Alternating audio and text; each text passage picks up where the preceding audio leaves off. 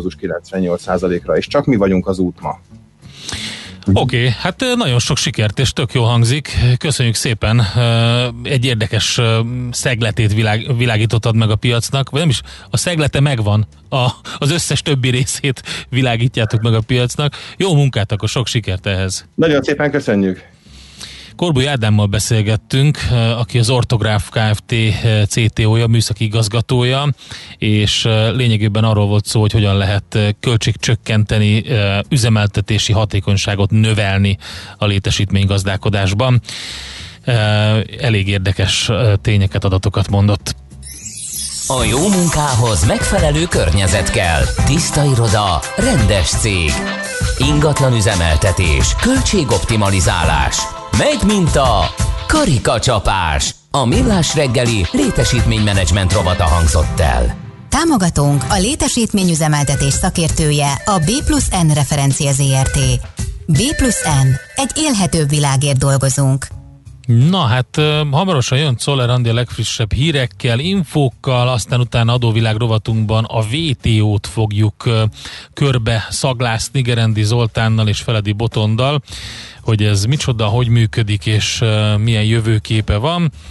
És közben a kedves hallgatók is írnak nekünk, igen, a Dunaferes történetet elmondtam,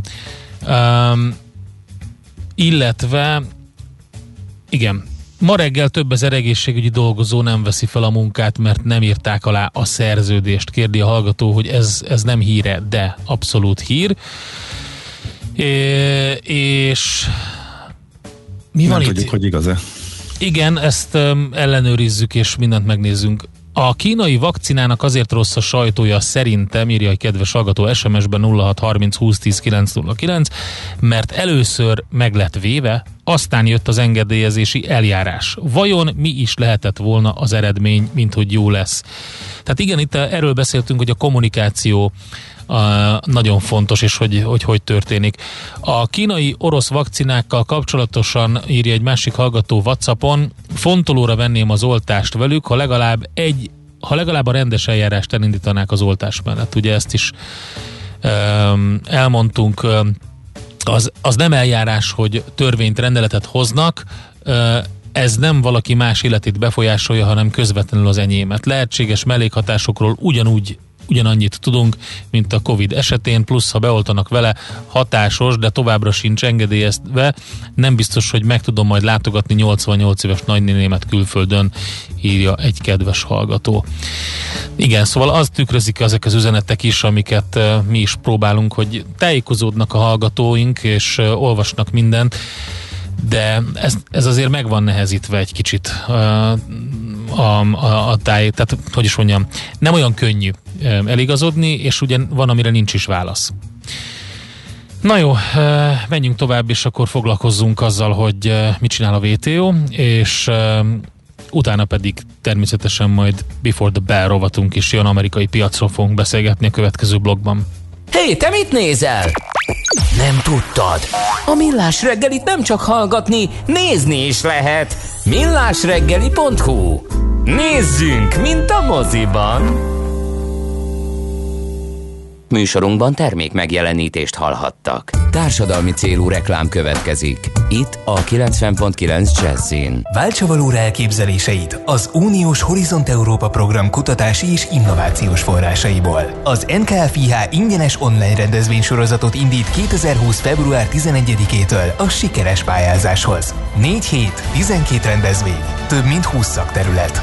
Regisztráció www.nkfih.gov.hu Készült az Innovációs és Technológiai Minisztérium, valamint a Nemzeti Kutatási, Fejlesztési és Innovációs Hivatal támogatásával. A társadalmi célú reklám után hamarosan visszatérünk a stílusos zenékhez. Itt a 90.9 Jazzin.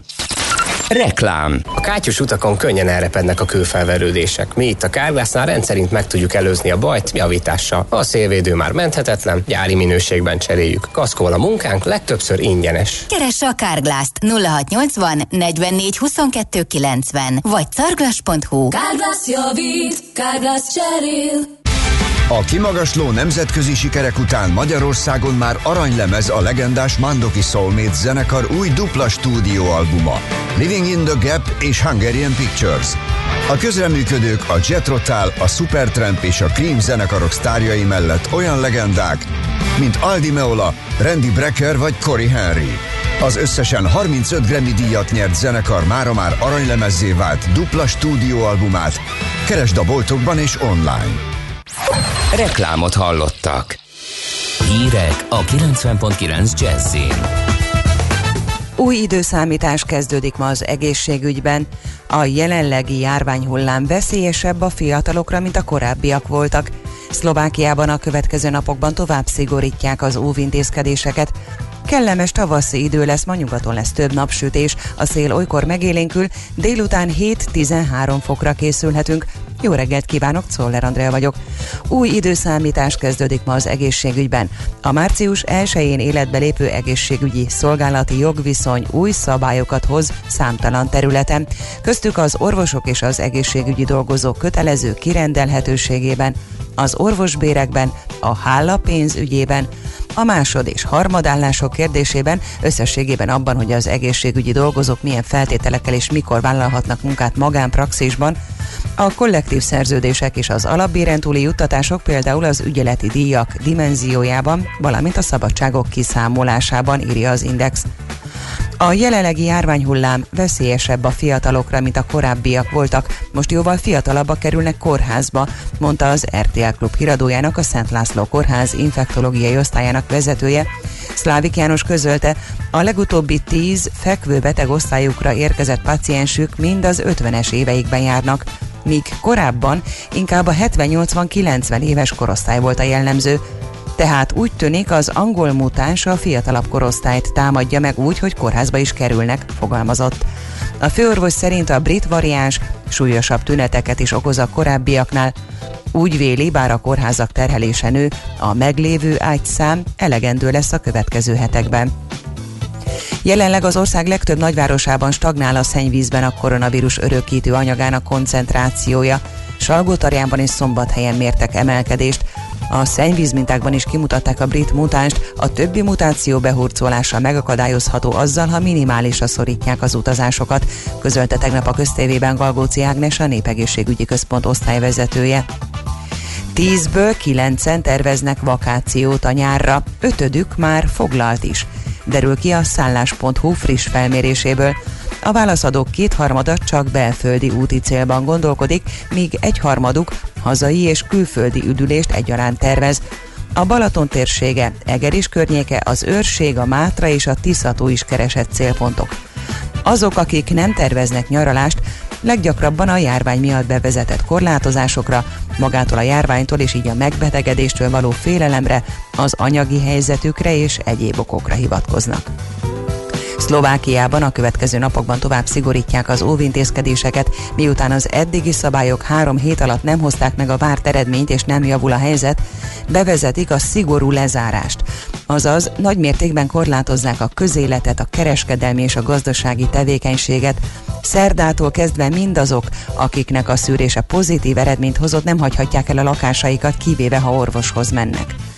Mindazok, akik közös háztartásban élnek egy fertőzött személlyel és ennek következtében karanténba kényszerülnek, a szabályok betartásáért anyagi jutalmat kapnak. Este 8 és hajnali 1 óra között kijárási tilalom lép életbe, kivételt csak a munkába járás vagy az onnan való hazajutás, illetve az orvosok felkeresése jelent, Ugyancsak szerdától megnyitják az óvodákat és az általános iskolák alsó tagozatú osztályait azon személyek gyerekei számára, akiknek munkába kell járniuk. A napsütést időnként felhők zavarhatják meg, de csapadék nem várható. Többfelé élénk, délelőtt az Alpok alján és keleten erős lehet az északi szél, délután 7-13 fokot mérhetünk. Köszönöm figyelmüket a hírszerkesztőt, Szoller Andrát hallották. Budapest legfrissebb közlekedési hírei a 90.9 Jazzin a City Taxi Dispécsejétől. Üdvözlöm a hallgatókat! Tovább élénkült a forgalom a Budapest környéki utakon. Az M3-as autópálya bevezető szakaszán Magyarótól telített sávokon helyenként lelassulva halad a forgalom. Az M0-ástól befelé pedig már szólnak a járművek. Lelassult a közlekedés a 10-es főúton és az ürömi korszolgalom előtt, a 11-es főúton Szentendre átkelési szakaszán, majd a Megyeri hídtól befelé, illetve az 51-es főúton az m 0 közelében Budapest irányába. Baleset okoz torlódást az Erzsébet hídon Pest irányba, a Hegyalja úton is. Itt is akadozik az előrejutás. Szintén baleset történt a Szentmihály úton az M3-as csomópont közelében, Újpest központ felé a Fazekas sornál a belső sáv nem járható. Köszönöm a figyelmüket, további jó utat kívánok!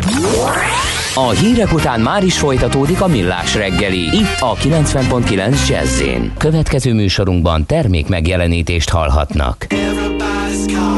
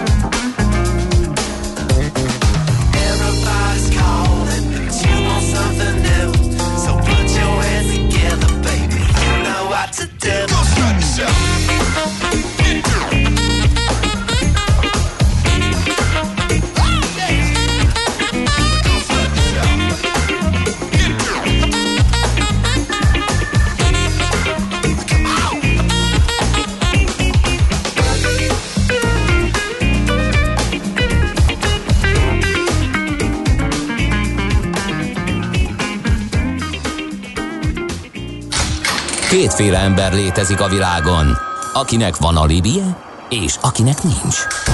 Az elsőnek ajánlott minket hallgatni, a másodiknak kötelező. Te melyik vagy? Millás reggeli, a 90.9 Jazzy Rádió gazdasági mapetsója. Ez nem animi, ez tény. Főtámogatónk a GFK Hungária Kft. GFK, a technológia alapú adatszolgáltató. Jó reggelt kívánunk mindenkinek, aki most kapcsolódik a műsorunkba, ez a Millás reggeli a 90.9 Jazzy Rádióban, Benne Ács Gábor. És Kántor Endre. 0630 2010 909, ide írnak nekünk Viberen, Whatsappon és SMS-ben üzeneteket a kedves hallgatóink, többek között oltásokkal, vakcinákkal e, kapcsolatban is, és természetesen jönnek közlekedési infók. Budapest legfrissebb közlekedési hírei, itt a 90.9 jazz a baleset az Erzsébet hídon ugye az elég nagy káoszt okozott a Hegyalja úton, teljesen akadozik az előrejutás, ott négy autó koccan. A legfrissebb az, hogy a Veselényi utcában is volt egy baleset a Nyár utcánál, úgyhogy ott a 74-es trollibusz terelve közlekedik, nem érinti a Károly körút, a Nagy Diófa utca és a Nyár utca megállót, úgyhogy több baleset is volt ma reggel a fővárosban. Az adó a jövedelem újrafelosztásának egyik formája, a költségvetés bevételeinek fő forrása, a jövedelem szabályozás eszköze. Az adóztatás fő célja anyagi eszközök biztosítása közcélok megvalósításához. Nézd meg az ország adózását, és megtudod, kik lakják. Adóvilág, a millás reggeli rendhagyó gazdasági utazási magazinja, ahol az adózáson és gazdaságon keresztül mutatjuk be, milyen is egy ország vagy régió. Adóvilág. Iránytű nemzetközi adóügyekhez. És most egy világszervezetet veszünk gorcső alá. A VTO-ról fogunk beszélgetni. Gerendi Zoltán, a BDO Magyarország ügyvezetője, adótanácsadó partnere van a vonalban. Szervusz, jó reggelt! Jó reggelt, sziasztok! Igen, a WTO-ról, tehát a World Trade Organization-ről fogunk beszélni. Azért beszélünk a WTO-ról, mert vámokról fogunk ma beszélni, tehát adók, vámok azért a történelem során mindig párhuzamosan mentek, sőt, ha belegondolunk nálunk is, a NAV az Nemzeti Adó és Vámhivatal, tehát gyakorlatilag ez a két, kölcs, tehát két teher vagy ilyen költségvetési bevételi forrás az kéz a kézben jár. A történelem során egyébként ez mindig így volt, tehát a legrégebbi időktől ez egy királyi jog volt a vámok kivetése, tehát az adókat a helyben lévőkre vetették ki, a vámokat pedig a, akik mozogtak, tehát már nem a tartományon belül, hanem a tartományok között. Tehát, hogyha valaki belépett, kilépett, ez személyekre is igaz volt, tehát akkor is vámot kellett például a régi időkben, tehát a középkorra fizetnie, valaki egyszerűen csak egymaga átment. Ez nyilván egy érdekes dolog, hogy ez a röghözkötéshez, vagy mihez kötözve, egyszerűen csak egy ilyen forgalmi jellegű a, teher volt, bevételi lehetőség volt, és aztán ezek odáig elmentek, hogy tehát nem csak az utazókra, hanem a kereskedőkre is, és például a piacokon is voltak vámok. De, és a kereskedőkre is így kivetették. Tehát ez a középkorban végig jelen volt. Egyébként nagyon sokszor látjuk például hídpénzek, meg ezek, és a vámoknak egyfajta ilyen vetületei, hogy ami minden, ami mozgás, az és ahol valahol valami áthalad, akkor azt meg lehet vámolni, és így hát gyakorlatilag költségvetési bevételt lehet teremteni. Na most ez, ez, ez egy időben akár egyensúlyban is lehetett a régi középkori időkben, de a mai modern világban ez megváltozott, és ebben ezeknek a szervezeteknek, mint a GATT, és aztán abból a létrejövő WTO nagyon nagy szerepe van ma. A, a, például a magyar költségvetésben 2019-ben az egy ezeredék már csak az adóbevételekhez képest a vámbevétel, ha jól láttam, mert kb. 14 és 14,9-15 milliárd e, forint a vámbevételünk. Bocsánat, a GATT, az, amit említettél, az az elődje volt ugye a WTO-nak. Az az elődje volt, majd mindjárt megyünk tovább, így okay. van. E, tehát e, gyakorlatilag az adók az adók és a, a vámok aránya nagyon felborult. Ezt majd fogjuk látni, azért borult fel, mert ugye a, a, a vámok lecsökkentésével a világkereskedelem az nagyon-nagyon megindult. Tehát e, most persze ez megint a, a tyúk és a, a, a, a, a tojás kérdése, hogy mi, mi volt előbb, hogy a, a, a GATT volt, amelyik először létrejött, és először beszélünk a világkereskedelemről. Tehát a világkereskedelem, amit a vámok terheltek, az nagyjából azt lehet mondani, hogy 1913 óta, hogy ilyen statisztikákat lát az ember, az majdnem 50-szeresére nőtt. Tehát gyakorlatilag az 50-es évek óta egy ilyen hát egy ilyen tényleg nagyon-nagyon progresszív növekedése van a világkereskedelemnek, tehát az, ami akkor 100 volt, az most minimum 4000 vagy 5000 szeresen indexált értékeket lehet találni, ami, ami, ami nagyon-nagyon nehéz, és hát a, az export az egyes országok GDP, most ezek ilyen nagyon vad statisztikák, a korábbi 5%-ról mondjuk 45 ut- utáni időszakot nézzük, az 25%-ra nőtt. Tehát azt lehet látni, hogy az országok már messze nem a belső piacukra termelnek, hanem, hanem kifele is, és ugye most, és ennek megfelelően különböző regionális kereskedelmi struktúrák jönnek létre. Ennek kapcsán nézzük egyébként mi most az ASEAN országokat, mert ott jött létre a világ legnagyobb vámszabad területe, ez a Regional Comprehensive Economic Partnership, ez az RCEP, és ennek a tagországait járjuk most körbe. Tehát azt lehet látni, hogy hogy van egy közvetlen összefüggés a vámok csökkenése és a, a, a, a vámoknak a, a standardizálása e, és a kereskedelem, e, kereskedelem növelésével, tehát e, növekedésével. És úgy néz ki, hogy ez ezt, ezt hívják ugye globális kereskedelemnek. Na most globalizációnak, hogy ez jó-e vagy rossz, ezről lehet vitatkozni, de egy biztos, hogy, hogy a, a világgazdaságot nagyon erősen meglökte, de az első, és innen jött a szabályozás kérdése. Tehát gyakorlatilag 1948-ban 23 ország hozza létre a GATT-ot, amelyik ugye a General Agreement on Trade and Tariffs. Tehát ez, ez egy olyan egyezmény volt, amivel 23 ország csatlakozott a második világháború után, amelyik aztán egészen 1995-ig a WTO létrejöveteléig már 128 országra e, dúzzadt föl. A GATT az e, nagyon sok minden foglalkozott, de bizonyos árucsoportokkal, mint például a textil, mezőgazdasági termékek nem. Míg a WTO, melyik 1995. január 1-ével jött létre, az már 164 taggal rendelkezik per ma, és ez a világ egyébként legnagyobb gazdasági szervezete. Csak hogy értsük, a, a, a, az ENSZ-nek van még ennél nagyobb a 192 országot Aha. takar, tehát egy hatalmas szervezetről beszélünk, amelyiknek a célja az, hogy a nemzetközi kereskedelem szabályait rögzítse, tehát hat rendszer van. Ezt egyébként el kell képzelni, mit jelent? Ez azt jelenti, hogy például a, korábban nem voltak a vámtarifák egységesítve. Tehát ma, ma már ezek az országok egységes vámtarifa rendszert használnak, tehát magyarán minden árusziknek van egy száma. Tehát ha valami kicsekkol mondjuk Kínából, akkor az az á, akkor a, a, annak a, az okmányain ugyanaz a kód szerepel, mint ami gyakorlatilag amivel bejön az EU-ba.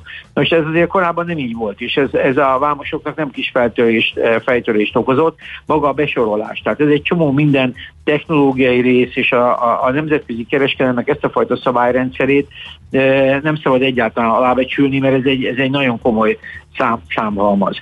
A célja a WTO-nak is a kereskedelem további liberalizációja. Egyébként erre vannak százalékos ilyen mértékek. Azt mondják, hogy ha nem lenne VTO, akkor a, akkor, akkor a vámok 32% a magasabbak lennének, mint most. Uh-huh. Tehát ez, ez, ez, egy, ez egy nagyon érdekes dolog, hiszen ez, ez a szervezet ez a kereskedelmi vitákat is megoldja. Tehát gyakorlatilag a partnerek, akik, a, akik benn vannak a tagságban, azoknak mindenképpen ez egy ilyen probléma vagy vita megoldó intézmény is, vagy bilaterálisan, vagy multilaterálisan ezeket a vitákat kezelik. A döntési folyamatokat, tehát a különböző vámos kapcsolódó, vagy kereskedelmi döntésekhez kapcsolódó folyamatok transzparenciáért is felel, együttműködés különböző gazdasági intézményekkel is a világban, tehát ez is a feladata, illetve a fejlődő országok segítése. Nyilván a fejlődő országok bekapcsolása a világkereskedelembe az azért fontos, mert ott valami referencia kell. Most, hogy értsük, ez miért érdekes, mert nagyon sokszor halljuk a kereskedelmi háború fogalmát. Én úgy legyűjtöttem a, a, a, a leghíresebb öt kereskedelmi háborút, és akkor nagyjából fogjuk érteni, hogy, hogy, hogy miért is fontos egy ilyen szervezet, mint a WTO. Az első eh, nagy kereskedelmi háború, amilyen újkori volt, az a, az, az a kínai ópiumháború volt, ez két fordulós volt, 1839-től 42-ig, 1856-tól 60-ig a második, és ugye ott arról szólt, hogy a kínaiak rengeteget exportáltak, cserébe nem akartak bevonni semmit, és az angolok erőszakkal gyakorlatilag egy háború keretében kényszerítették a kínaiakat arra, hogy az import vámaikat csökkentsék, és egyébként ez leg, leginkább az ópiumra vonatkozott, mert úgy tűnt, hogy egyedül azt veszik a, a, a, az angoloktól. Ez persze romba is döntötte egyébként a, a, az akkori császári dinasztiát, és hát egyébként ennek a történetek kapcsán Kína a mai napig bezárólag bet, a megaláztatás száz évének tekinti uh-huh. azt a korsz, amit utána jött. A, a második ilyen nagy háború volt, ilyen kereskedelmi háború, az a 30-as években az amerikai ez a smooth hauler e, e, ilyen tarifás, tehát vám, vámtörvény, amelyik nagyon erős mezőgazdasági védővámokat épített fel, hogy a, a, a gazdasági válság után az ország valahogy szépen előre e, tudjon indulni. Ugye Aztán, hát az az egyik legfontosabb a saját piac védelme, és azért gondolom van. nehéz a, a WTO-nak, mert ugye ezt a kölcsönösség elvét érvényesítenie kell, hogy ha valaki engedményeket e, csikar ki, akkor a másik oldalon is legyenek engedmények. Közben a ez, saját piacot védeni kell. Abszolút, ez így van. Egyébként a, a, a András kérdezte, hogy mi a köze a, a, a WTO-nak a politikához, még pénteken egyeztettünk, és pont, pont ez, e, e, ez a lényege, hogy innentől kezdve a gazdaság az egy politikai kérdésé is válik, hogy hogy tudsz egy országot, hogy tudnak a politikusok gyakorlatilag ilyen gazdasági feltételrendszereket mhm. kialkudni, mondjuk egy WTO esernyő alatt. Egy tovább a harmadik legnagyobb háború az a, az a a csirkeháború volt 1960-ban Franciaország, eh, Németország és, a, és az USA között. Az USA baromi olcsón is eh, próbálta az EU-ba behozni, a közös piacra behozni csirkéket. Eh, az is egy, egy, egy, egy megállapodással végződött. Aztán 85-ben volt egy tészta háború, ami mókás, az is EU és US között, tehát a, a, az európai tésztákat az amerikaiak erősebben megadóztatták, cserébe EU meg különböző a földi, amerikai földi magyarót, meg citromot, szóval ez is de egy megállapodásról, és volt egy elég hosszú elhúzódó banánháború, ami 1995-től 2009-ig volt az EU és szinte az USA között. Tehát lehet látni, hogy, hogy, hogy ezek a ezek, ezek, ezek, ezek, a, ezek a viták, ezek valósak létezők, és folyamatosan meg megjelennek. Minden ország próbál valamilyen preferencia szerint védekezni, vagy éppen iparágat támogatni, de ez van. Most a WTO egyébként majdnem mindenre kiterjedt, tehát a árukra, a szolgáltatásokra és a szellemi termékekre is. Na most a, a bővülés az azért is érdekes, mert folyamatos. Tehát azt lehet mondani, hogy Kína 2001-ben lépett be, Szaudarábia 2005-ben, Oroszország 2012-ben, és ezek azért elég meghatározó partnerek. Azt kell látni egyébként, hogy ma a legnagyobb globálisan a legnagyobb kereskedő országok, akik a világkereskedelmet uralják, az Kína, USA, Németország, Hollandia és Japán. Tehát uh-huh. gyakorlatilag nyilván ez a top 5, ezeknek a szabályrendszerét kell követni. Hát én körülbelül ennyit gondoltam elmondani a videó. Na, jó, nagyon érdekes. Órákat lehetne róla beszélni, de a kereskedelem az létezik, és én úgy gondolom, hogy a WTO, de, mint ahogy láttuk a Brexitnél is, hiszen a, a, a Brexitnél is Johnson úr ugye végig abba kapaszkodott, hogyha, hogyha nem jön össze az EU-val a megállapodás, akkor majd a WTO tarifarendszere próbál átállni, ami talán a legkisebb rossz neki, hogy ne, ne üssék uh-huh. agyon a, a, az angol kereskedelmet. Tehát a WTO az egy nagyon fontos szervezet, nincsen annyira előtérben, de a világ első számú gazdasági szervezete, és pont ezt a nemzetközi kereskedelmet, amelyik talán most már úgy azt lehet látni, az elmúlt három-öt évben már nem növekedett olyan mértékben tovább, tehát azt lehet látni egy ilyen, e, itt van egyfajta ilyen e, mozgás, de az a fajta növekedés, ami 50 és e, 1950 és 2000 között volt, az, e, az elképesztő nagy volt. És hát nyilván ez ennek a kísérője, aztán majd meglátjuk, hogy jövő mit hoz, de egy biztos, hogy a szerepe az fontos volt, és valószínűleg nagyon fontos is marad. Hát egy intézmény, ami ugye most már gyakorlatilag rögzítette magát ebbe a rendszerbe, Igen és próbálja szabályozni szerződésekkel ezt az egészet, hogy ne alakuljanak kiviták. Jó, hát megnézzük ennek a politikai hátterét is, Zoli, nagyon Abszolút, szépen köszönjük. Jó munkát nagyon neked. Szívesen. Szép Sziasztok. napot, szervusz.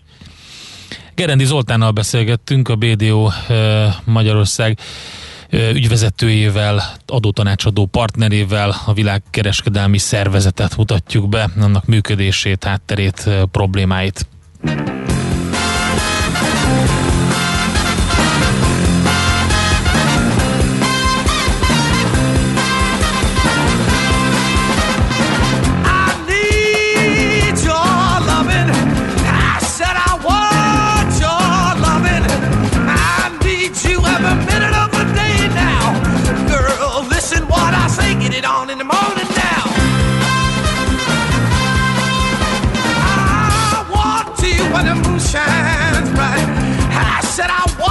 the time is right now. I need you all through the night now. Feel inside and sight, get it on in the morning.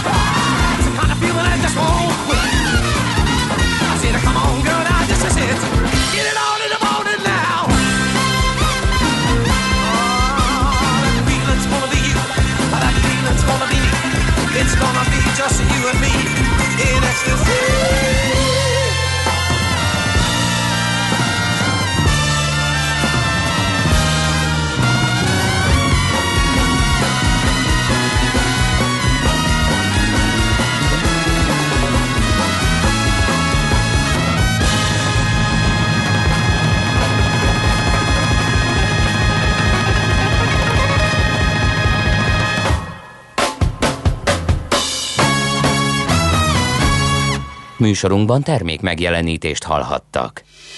Rövid hírek a 90.9 Jazzin.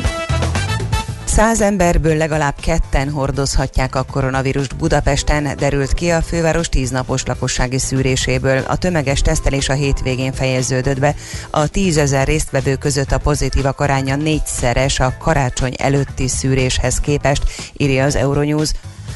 Változik itthon egyes vakcinák beadásának protokollja, hogy minél többen megkaphassák az elsőt, hiszen már az is ad egy alapvédelmet a fertőzés ellen. A Pfizer esetében a 21. napról a 35. napra tolják a második oltást. Az AstraZeneca oltásnál a 12. héten adják majd be a második vakcinát. A Moderna, valamint az orosz és a kínai vakcinák esetében egyelőre nincs változás. Elindult az eddigi legnagyobb orosz oltóanyag szállítmány Budapestre. Moszkvától nem messze tegnap este pakolták be a 280 ezer adag koronavírus elleni vakcinát. A kamion este elindult Magyarország felé. Szardinia szigetén mától újraindul az élet, az elmúlt időszak kedvező járvány adatai alapján ugyanis a terület fehér színű besorolást kapott. Olaszország többi tartományában közben szigorítják a járványügyi korlátozásokat. A napsütést időnként felhők zavarhatják meg, de csapadék nem várható. Többfelé élénk délelőtt az Alpok alján és keleten erős lehet az északi szél. Délután 7-13 fokot mérhetünk. Köszönöm figyelmüket a hírszerkesztőt, Czoller Andrát hallották. Budapest legfrissebb közlekedési hírei, itt a 90.9 jazz jó napot kívánok! Budapesten megnyitották a Veselényi utcát a Nyár utcánál, de tart a helyszínelés. Akadozó az előrejutás. A 74-es trollibusz ismét az eredeti útvonalon jár, a Nyál utcánál is újra megáll. Helyszínelnek az Erzsébet hídon Pesti irányban. A sérült gépjárművek két sávot foglalnak el, a Hegyalja úton és a Krisztina körúton is torlódásra készüljenek a híd előtt. Az érintett BKK járatok megnövekedett menetidővel közlekednek.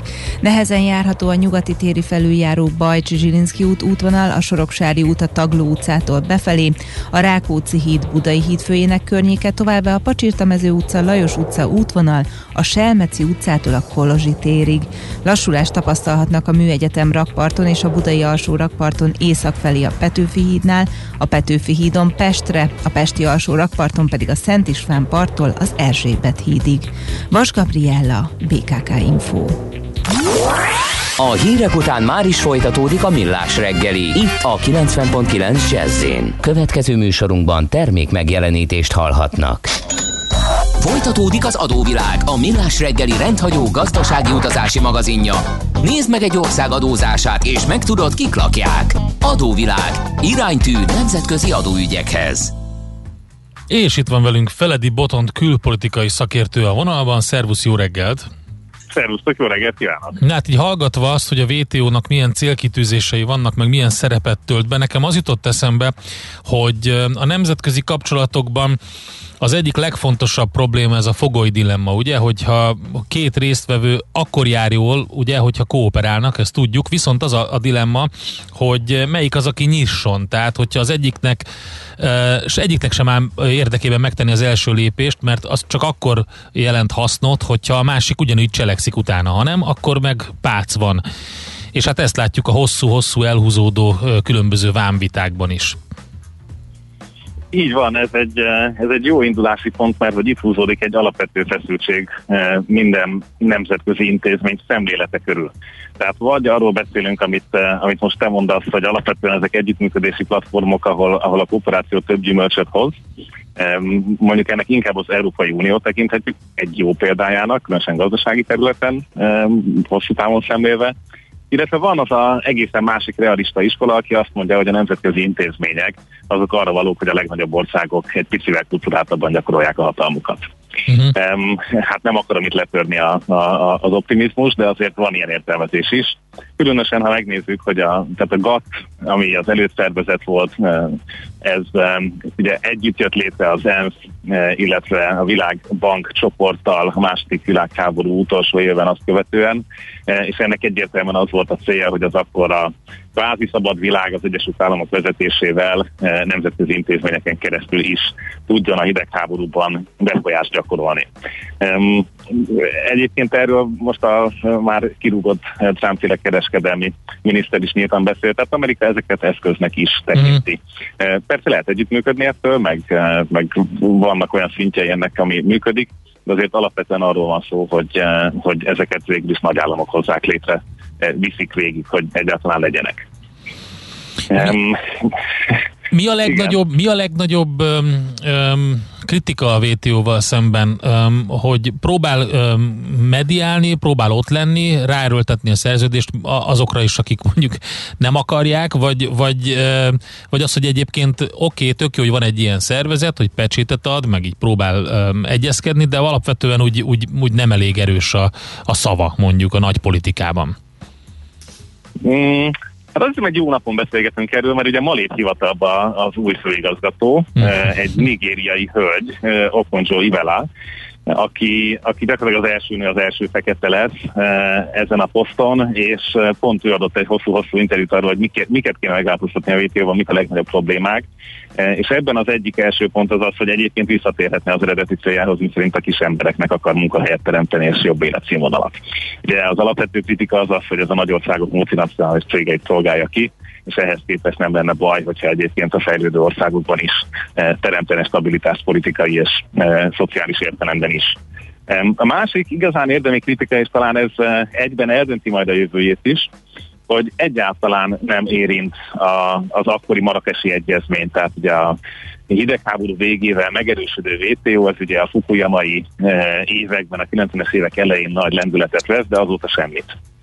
E, tehát azóta egyszerűen beállott a WTO fejlődése, politikai értelemben abszolút, e, és a digitális gazdaságok gyakorlatilag sehogy sem fedi le. E, és innentől kezdve most a Davosi fórumon is ezen vitatkoztak, hogy hogyan lehet majd a digitális gazdaságot WTO ernyő alá hozni.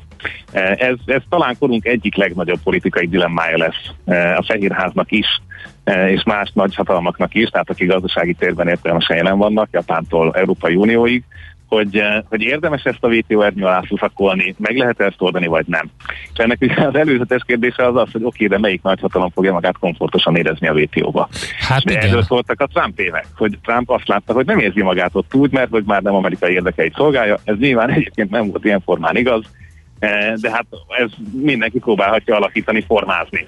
És éppen ezért volt izgalmas Okonjo eh, Ivéla kinevezése, mert hogy itt az a vád érte egyébként a, a, a, a kvázi választási kampány során, ugye két jelölt volt, uh, a hölgy, aki mindenkinek a jelöltje volt, kivéve az usa és volt Trump jelöltje, aki pedig egy dél-koreai közgazdász asszony volt, és hát ő végül visszalépett, amikor Biden hivatalba lép, és ezután éppen ezért március 1 tudott csak uh-huh. megkezdeni a főigazgató a munkát. Tehát itt az látszik, hogy Amerika lehet, hogy ezt elkezdi visszavenni, lehet, hogy elkezdi felépíteni, de olyan a Kínával szemben, és ez a harmadik legfontosabb kritika a WTO-val szemben euróatlanti szempontból, hogy nem tudta Kínával szemben érvényesíteni a, a térségünk szempontjait. Tehát nem, nem volt ez tökéletes. Hát lehet, bocsánat, hogy, hogy megszakítalak, de ez azért nem, mert a másik dolog, a másik probléma vagy dilemma, ez a relatív hozam problémája, ugye, ami csak addig éri meg egy országnak be, kooperálni, amíg nagyobb előnyre senki más nem tud szert tenni a kooperációból, mint ő. Tehát ugye Kína erőből kommunikál. Így van, tehát az, az, az most már egy visszamenőleges retrospektív vita, hogy megérte Kínát beszuszakolni a WTO-ba, hogy ez egy elég e, friss fejlemény volt, és ez szintén még így a, az amerikai e, mondjuk hagyományosan és nemzetközi kapcsolatok értelemben liberális távol elképzelése volt, mondta fogoly dilemmásoknak, hogy, hogy milyen jó, ha bevesztük, mert akkor majd jobban együttműködik. Uh-huh. De ugye itt a realistáknak lett igaza. Tehát itt, itt, itt, nem jött az be, hogy majd ha belép a klubba, akkor a klub szabályai szerint viselkedik. Hát szerintem Bejött a, a házi buliba, és csak a zenéjét nyomja. Mindenki már igen, unatkozik, igen. és még mindig lassúzni kell. Ez nem és jó akkor így. az a kérdés, hogy most ő kihúzza a mi magnunkat teljesen, vagy pedig van esélyünk nekünk egy hangosabb berendezést betenni, mert kiderült, hogy lehet vezeték nélkül is csinálni, és picit erről szól most a vita, hogy, hogy érdemes a WTO-val visszafektetni az energiákat és így nyomni, lesz-e a világon még a többi régióban ennyi támogatás, vagy nem. E, és akkor most kérdés, hogy e, tehát elképesztő sztorik voltak erről a, a, a főigazgató jelöltről, mert ugye egyrészt ő volt az, aki Nigériában aláírt egy óriási kínai hitelt, de hát közben meg éppen 2019-ben azért csak fölvette az amerikai állampolgárságot, és egyébként E, ugye a világbankban dolgozott 25 évig, és 18 évesen már a nigériai egyik királyi család kiküldte a Harvardba uh-huh. tanulni, hogy aztán az MIT PhD-ben, tehát, tehát nem egy kínai ügynökről van szó. E, úgyhogy, úgyhogy tehát itt nagyon-nagyon kemény összecsapások voltak és lesznek. Ebben most ez a személyi szint egy kérdés, hogy itt ez egy Junckeri megoldás, tehát hogy egy e, szimbolikusan fontos, de politikai hatalom szempontjából nem befolyásos történetről van szó, de azért Nigéria az afrikai szempontból meghatározó ország, vagy pedig nem tudott megegyezni az EU és az USA, hogy esetleg saját maguk közül választanak valakit, vagy az már Kínának nyilván nem tetszett volna. Tehát itt rengeteg eh, szimbolika van ebben a, ebben a döntésben, ami éppen eh, ma elindul, eh, és hát innen jön a kérdés, hogy egyáltalán működőképessé teszik-e újra. Mert hogy Trump nem csak szóban kritizálta, hanem nem volt hajlandó a fellebbviteli testület, tehát itt a vita rendező kereskedelmi testületnek van egy kvázi bírósága, és ez el, elműködget, de a fellebbviteli testületben nem nevezték ki az amerikai bírákat, és ez gyakorlatilag most már hosszú évek óta működésképtelen. Uh-huh. Tehát oda jutottunk, hogy az Európai Unió explicit megtiltja azt, hogy a kereskedelmi partnerei ezt, mint időhúzó eszközt alkalmazzák, mert a kézre benyújtja a fellevezést, az ugye üldögél a papírral. Um, úgyhogy elkezdtünk alkalmazkodni ehhez. Hát kérdés nyilván azt gondolnám, hogy a Biden adminisztráció megteszi majd ezt a kinevezést, de hogy ez így, hogy már látható, hogy lehet így is blokkolni, tehát mindenképp újra kell írni a szabályokat, és innentől kezdve viszont jön a kérdés, hogy akkor ezt meg lehet a Kínával együtt csinálni, vagy pedig mégis regionális kereskedelmi e, blokkok és szerződések irányába megyünk. Ez utóbbi látszik uniós oldalon is biztosítékként egyre erősebben.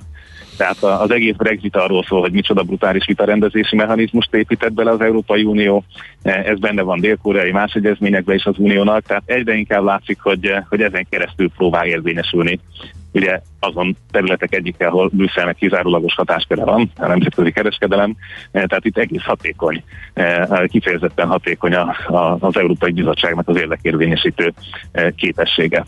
Úgyhogy egyelőre nem abba az irányba megyünk, hogy megmentsék a WTO-t. Ha Amerika valamiért úgy látja, hogy a, a digitális gazdaságot érdemes ebből beemelni, akkor lesznek itt még szép új napok. Hát nagyjából ez a, ez a ajtó az, amin e, ha úgy alakul, akkor a WTO még vissza tud jönni. Nyilván a mezőgazdaság, e, ruha és egyéb kereskedelem nagyon fontos, de, de hát a, a jövő az most már nem, de nem, itt, nem itt rejtőzik. Oké, okay, Botond, nagyon érdekes volt, mint mindig. Köszönjük szépen, jó munkát neked, szép napot!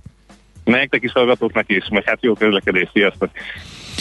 Dr. Feledi Botond külpolitikai szakértővel e, is átnéztük azt, hogy a WTO milyen politikai vonatkozásokkal tud a jövőbe menni tovább, és tovább működni, mennyire lesz erős szervezet.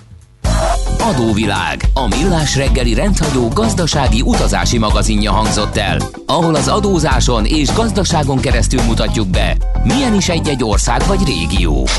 Adóvilág,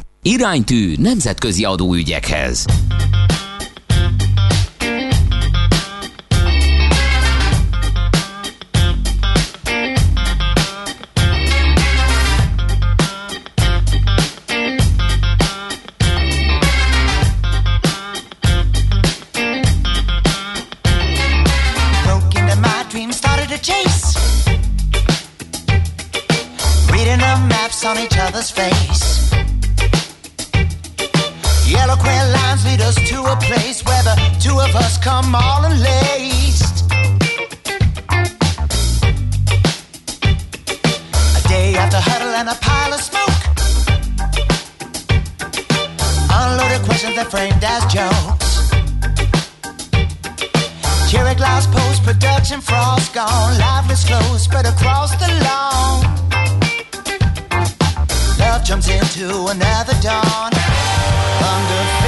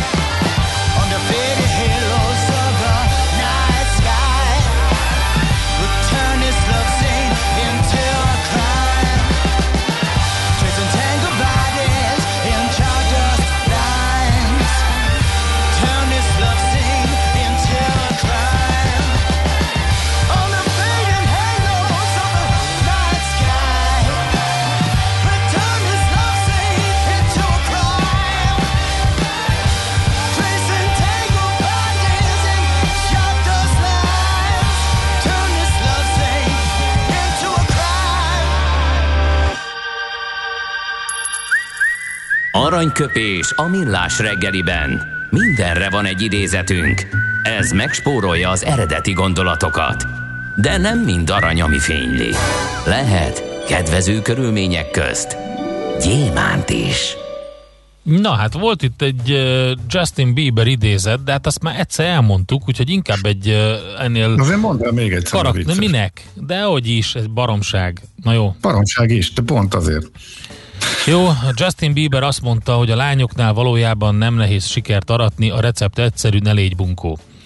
Azt Nekem ezzel javasoltuk. teljesen ellentétes tapasztalataim vannak, úgyhogy te minden esetre elmondod. Egy bizonyos, egy bizonyos nőt vonz, gondolom, amikor bunkó vagy. Nem, nem, de, amikor nem voltam bunkó, akkor ö, még fiatalon semmiféle Nem volt- sikerem nem volt a siker, lányoknál. értem. Ellenben, mikor megőszültem, és még állítólag bunkóbb és cinikusabb lettem, hirtelen megváltozott a helyzet, úgyhogy maximálisan Jó. nem tudnám alátámasztani az Ez ő megsikeresét. Na mindegy. Na, ami sokkal fontosabb ennél, 1969-ben Javier Bardem ezen a napon született, azt mondta, tiszteletben tartom az emberek hitét, de nem tartom tiszteletben azt a manipulációt, amivel a hit félelmet gerjeszt, és irányítás alá von embereket. Ez egy nagyon aktuális uh-huh. gondolat Javier Bardemtől. Nagyon szeretjük egyébként a művész urat. Aranyköpés hangzott el a millás reggeliben. Ne feledd, tanulni ezüst, megjegyezni arany. Van egy mágikus hang a parketten, amire minden színes öltönyös bróker feszülten figyel. Ha megszólal a csengő, jöhet a roham. Báj vagy szel, vétel vagy eladás. Persze minden attól függ, mi történik a csengő előtt. Before the bell. A millás reggeli amerikai piaci robata, hogy tudjuk, melyik gombra nyomjunk, még mielőtt a Wall Street kinyit. Részvényosztály, vigyázz, becsengettek. Na, itt van velünk Bodnár Martin, az Erste befektetési ZRT USA Desk üzletkütője. A vonalban, szervusz, jó reggelt! Sziasztok, üdvözlöm a kedves hallgatókat! Mit hoztál nekünk ma? Hát ugye az előző hétről átfordulóan nagyon volatilis kereskedési hétre számíthatunk ezen a héten is az USA-ban. Ez annak köszönhető, hogy előző héten csütörtökön a 10 éves amerikai kincstárjegynek a hozama az meghaladta az 1,6%-ot, ami erre nem volt példa az elmúlt egy évben. Ez ugye inflációs aggodalmakat keltett. Erre pedig a másik oldalról Jeremy Powell jegybankelnök mondta, hogy még messze vagyunk a 2%-os inflációs céltól, tehát kicsit igaztotta ezeket az aggodalmakat. Ez egy ilyen push-pull hatást eredményezett a piacon, ami összességében abban az irányba dőlt el, hogy az indexek elkezdtek esni. Így az S&P 2,5%-ot, a Dow Jones 1,8%-ot, a Nasdaq pedig 4,9%-ot esett a héten, ami nem kevés. Azt lehet még érdemes látni, vagy meg észrevenni, hogy a technológiai vállalatok részvényeiből elkezdtek diversifikálni a befektetők az energiai, energiaiparai részvényei iránt, tehát hogy elkezdtek abba az irányba menni. Ez ugye egy érdekes mozdulat, mert eddig folyamatosan a technológiai szektor volt az, amit megvettek a befektetők, most ugye sokkal inkább a reálgazdaságot kezdik vásárolni részvénykereskedők, és ebbe a bizonytalan gazdasági helyzetbe azért lesznek még jelentő vállalatok, ez már nagyon a jelentési szezon vége, de még néhány vállalatot még hoztam. Na kik ők? A pandémia egyik legnagyobb nyertese például a hétfőn zárás után jelentenő Zoom videokonferencia alkalmazás. Szerintem mindenki hallott már róla. Ugye ez a, nagyon sikeresen volt a harmadik negyedéves jelentése, és itt a negyedik negyedévesnél is ezt várjuk, azért, mert ugye az irodába visszamenés ez nem nagyon történt meg, ugye mindenki arra számolt előző évben, hogy akkor uh, visszamennek a munkavállalók az irodába, ehhez képest ugyanúgy továbbra is online meetingen vannak, Zoomot használnak az emberek, tehát hogy továbbra is jó, jó számokat várnak az elemzők tőlük. A negyedik negyedévben ugye a 329%-os növekedést várnak év per alapon árbevételnél, egy picit alacsonyabbat, mint a harmadik negyedévben, itt 367%-os emelkedést mutatott ez a mutató száma. Egyébként azt még érdemes tudni az Zoomról, hogy előző évben folyamatosan minden egyes negyedéves jelentésnél meghaladta az elemzői konszenzus a jelentése Zoomnak, viszont hosszú távon azért van itt egy kockázati faktor, ugye itt van a Microsoft Teams, meg a Cisco WebEx alkalmazás, ami azért elég erős konkurenciát jelent, és itt nagy vállalatok állnak mögöttük, ezek mögött az applikációk mögött, amiket folyamatosan fejlesztenek. Erre próbált egy kicsit uh, visszavágni a Zoom, abban, hogy januárban egy részvénykibocsátást hajtott végre 1,75 milliárd dollárért. Ezt majd egyébként akvizícióra tervezni, uh, úgymond elszórni, mert saját termékei közül ugye csak ez az egy terméke van, ez a Zoom videokonferencia uh-huh. alkalmazás, és akkor picit diversifikálna más termékek irányába is. Egyébként mert hogy per pillanat inkább ő számít akvizíciós célpontnak maga. Igen, igen, de azért pont az, hogy próbál ebből kitörni, próbál uh-huh. felvásárolni, és akkor nagyobb lenni, és akkor több termékcsaládot uh-huh. megfogni, mert ugye nagyon jó kérdés, hogy mi lesz egyébként a pandémia után. Működni fog-e az, hogy ő neki csak egy terméke van. Igen. Igen, és ugye most már a befektetők nem annyira optimisták, mint mondjuk egy fél évvel ezelőtt, mert az elmúlt hónapokban már nem emelkedett semmit, sőt, inkább csökkent a Zoomnak az árfolyam előtt. Egy iszonyatosan nagy emelkedés volt, végemelkedte a legrosszabb időszakot is, meg utána a legjobb időszakot is, de most már elillant az optimizmus, hogy innentől kellene neki valamit produkálni, ezért izgalmas. Pontosan egyébként az októberi csúcs óta 30%-ot jött le, egy év alatt pedig 241%-ot emelkedett, úgyhogy ez teljesen leírja azt, amit mondtál, igen. Uh-huh. Jó, Zoom, a, rajta kívül kik fontosak még a héten? Még uh, megemlíteném a szintén hétfőn jelentő, zárás után jelentő kínai Teslát, becsületes nevén NIO-t, ő a világ másik legnagyobb tisztán elektromos autókat gyártó vállalata. Nála is nagyon nagy növekedés volt, év-év alapon 111%-osan növekedett a leszállított autószám. Ez majdnem 44 ezer autót jelent, ugye a nagy német vállalatokhoz képest ez elég kicsi, de ahhoz képest, hogy azért ez egy kis technológiai vállalatnak indult, kis elektromos autógyártó vállalatnak, ez egész szép szám. Ez egyébként annak köszönheti, hogy növekszik folyamatosan az értékesítési lánca, és hogy Kínában a vásárlók a luxus elektromos autókhoz az étvágya egyre jobban növekszik, mert ez egyébként a NIO luxus elektromos autó kategóriába sorolják be. A gyártás kihasználtsága is egyébként nő folyamatosan a NIO-nak, 41%-ról 58%-ra, tehát így csökkennek a gyártási költségek. Ez egyébként azért nagyon fontos, mert ez még, a NIO még mindig egy veszteséges vállalat, tehát hogy még mindig azért küzdünk, hogy ugye átforduljunk a a mérleg másik oldalára, tehát hogy végre elkezdjünk profitot termelni. Igen, azért, is érdekes. Az, bocsánat, azért nagyon érdekes a NIO, mert hogyha a legtipikusabb példa arra, hogy mennyire jól tud járni egy cég, aki finanszírozási problémákkal küzdött azáltal, hogy egy szektort az égbe pumpálnak a befektetők a korlátlan pénzükkel, és a NIO a Robin Hood generáció egyik kedvenc papírja. A szép jövőben hisznek, és mindig egészen a Teslával összevetve is egészen durva növekedést árasztok neki, és ezért viszont kapott finanszírozást, így tudott olcsón bevonni pénzt a ahhoz, hogy valóban e, gyártson is és növekedjen, úgyhogy izgalmas. Viszont így ő is nagyon magasra tette a mércét ezzel, illetve a befektetők nagyon magasra pumpálták, ezért e, nagyon nehéz olyan gyors jelentést produkálni, hogy azzal mindenki elégedett legyen. Igen, és egyébként a kínai állam is támogatja továbbra is, mert ugye volt egy ilyen hogy 2020-ban megszűnik ez a támogatás, de látták, hogy ez a szektor ez nagyon megy, ezért folytatták továbbiakba is, tehát ez 2022 végéig meghosszabbították ezt a kínai állami támogatást. Igen. Egyébként még van két nagyon érdekes programja, amit úgymond elindított. Az egyik ez az akkumulátor leasing program, augusztusban indította el, és most már itt decemberi adatok alapján 40%-a a vásárlóiknak használja. Ez azt jelenti, hogy nem kell akkumulátorostól megvenni az autót, ez 10-15 ezer dollárral ugye olcsóbb árat jelent vételnél, hanem hogy havi szinten tudjuk leasingelni az akkumulátort az autóba. Hmm. 100-140 dollárért.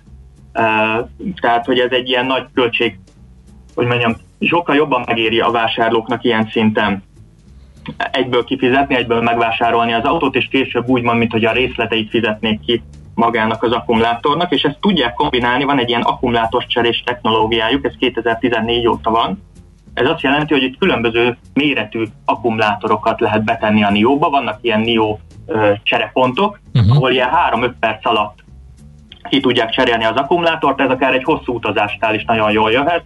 Ugye feltöltjük az akkumulátorunkat, kérjük a legnagyobbat egyébként, félúton cserélünk, és nem is kell többet várnunk, mint 5 perc, tehát mint egy tankolásnál körülbelül. Ügyes. Na igen, igen, majd meglátjuk, hogy hogy válik be. Igen. Igen. Okay. Ez ugye egyébként mind a Teslának egyébként egy válasz, mert a másik oldal, ahogy említetted, a Teslánál is ő is nagyon nagy emelkedésben van, és ott meg próbálják folyamatosan ugye árvágásokkal mm. fenntartani ezt. Mindig csökkentik a modellek árát, a Nio-nál meg így próbálják megfogni, tehát így, így próbálnak így a konkurencián túllendülni. Ilyen típusú árcsökkentéssel. És egyébként nekik is van még önvezető technológiájuk, és bármi egyébként, amit a guidance alapján, tehát amit egyébként a jelentés után mondanak az elemzőknek, erről a technológiáról ez nagyon meg tudja dobni egyébként az árfolyamát ennek a papírnak, mert eddig nagyon nagy titokba volt, hogy milyen is ez az önfejlesztő technológiájuk, de nagyon sok kutatás és, tehát a kutatás és fejlesztésben nagyon sok pénzt investáltak.